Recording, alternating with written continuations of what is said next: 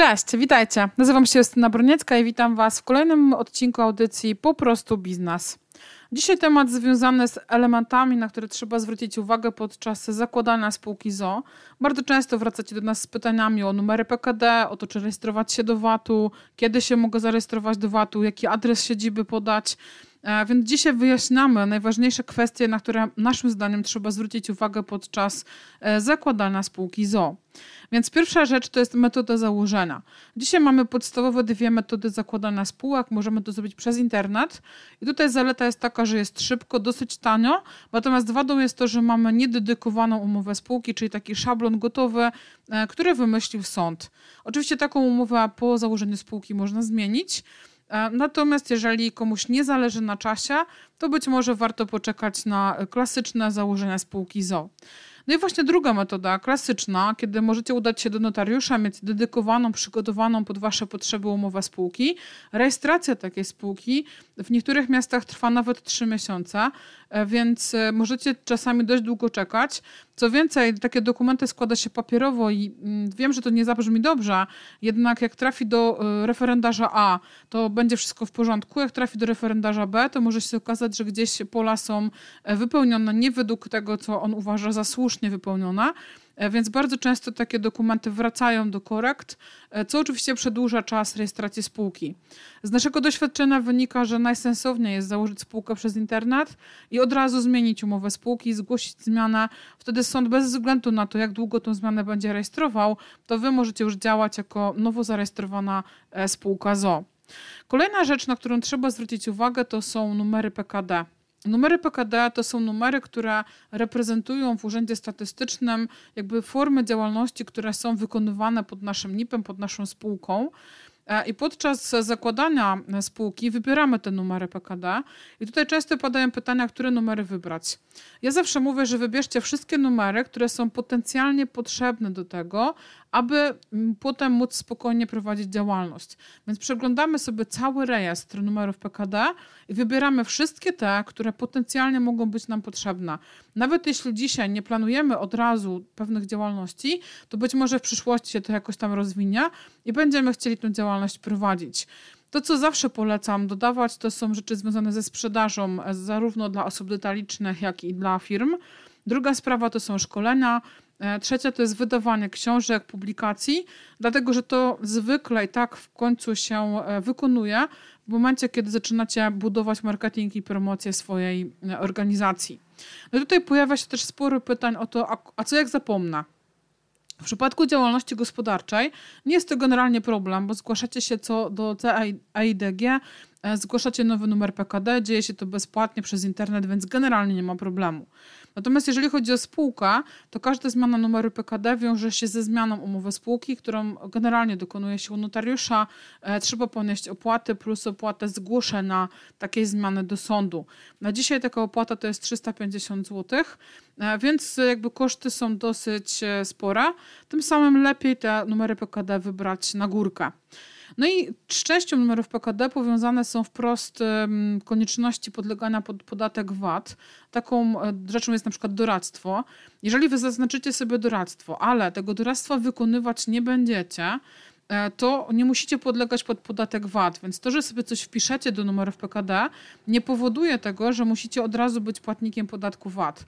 Dopiero w momencie, kiedy zaczniecie wykonywać takie usługi, na przykład doradztwa, w tym momencie od pierwszego dnia mm, wykonywania takich usług powinniście zgłosić się do VAT-u. A więc sam wybór numeru PKD bez realizowania czynności jakby w danym zakresie nie powoduje sam w sobie tego, że musicie się do tego VAT-u rejestrować. Kolejna sprawa, na którą warto zwrócić uwagę, to jest adres. E, w przypadku działalności gospodarczej bardzo często adres podajemy jako adres nasz prywatny, tam gdzie mieszkamy. Najczęściej tak to wygląda. Natomiast w przypadku spółki możemy oczywiście podać taki adres, natomiast trzeba się liczyć z tym, że cała korespondencja związana z korespondencją urzędową, że, mm, że to, że nasz adres będzie widoczny w KRS-ie, jakby musimy się na to po prostu zgodzić. E, no i teraz pytanie, czy chcemy. Druga sprawa, że z lokalu mieszkaniowego robi się nam lokal użytkowy, tym samym powinniśmy zgłosić się do urzędu e, z taką zmianą i prawdopodobnie zostanie nam naliczony wyższy podatek. No i tutaj często pytacie o ile wyższe. Niestety nie mam na to gotowej odpowiedzi, dlatego że to zależy od tego, w jakim mieście, gminie, powiecie jest e, to nieruchomość, czy jest to mieszkanie, czy to jednorodzinne, jaka jest powierzchnia e, użytkowa i mieszkalna, jakie są ceny gruntów w danym regionie. Więc zanim zdecydujecie się na taki krok, bardzo mocno rekomenduję wybrać się do Urzędu Skarbowego, dlatego że na przykład w centrum Warszawy takie podatki potrafią wynosić kilka tysięcy rocznie. E, więc może się okazać, że taniej jest wynająć wirtualne biuro. No i tutaj przechodzimy właśnie do następnego tematu związanego z adresem, czyli wirtualne biuro.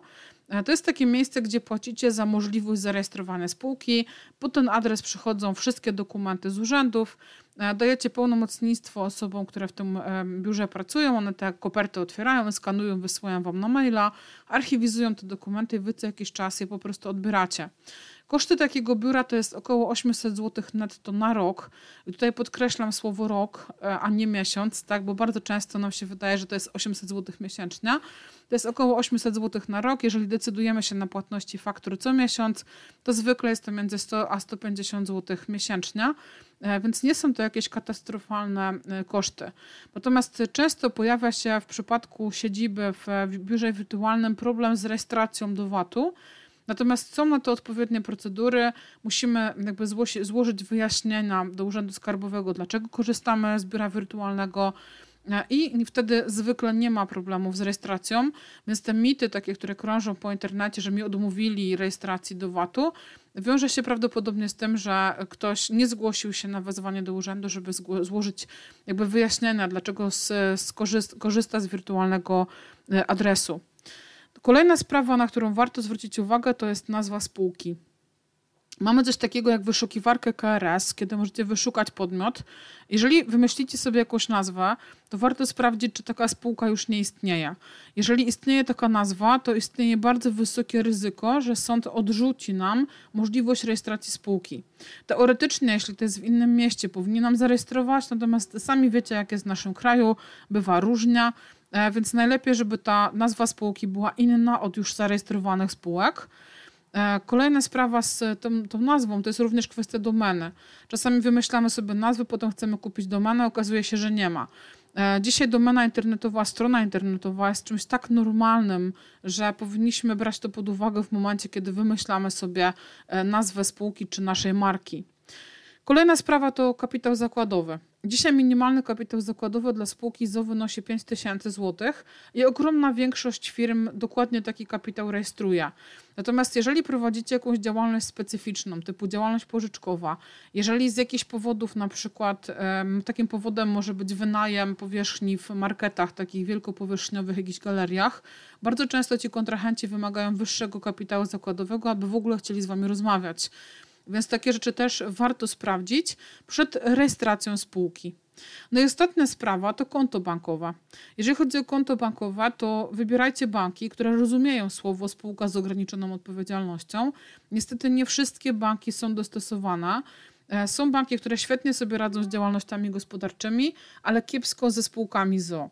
I teraz, jeżeli chodzi o polecenia, oczywiście ja Wam nie polecę żadnego konkretnego banku, natomiast podzielę się z Wami opinią dotyczącą tego, co słyszę od klientów, e, że bank PKO, że ING, że. Um, WBEK, czyli aktualny Santander, całkiem nieźle sobie radzą z obsługą spółek ZO. Klienci są absolutnie niezadowoleni, jeżeli chodzi o usługi mBanku czy e, Millennium. Natomiast to oczywiście nie musi być prawidłowość. Pamiętajcie, że bardzo dużo, dużo zależy od ludzi, więc jeżeli macie normalnego e, człowieka, który pracuje w danym banku, może się okazać, że nazwa nie ma nic wspólnego. Natomiast podaję Wam jakby swoje opinie, e, opinie zebrane od klientów, z którymi współpracujemy. A więc zakładając spółkę ZO, nie tylko musisz wziąć pod uwagę optymalizację, księgowość, ale też wiele innych aspektów, e, które e, no, mogą potem powodować, że będziecie musieli zmieniać umowę spółki.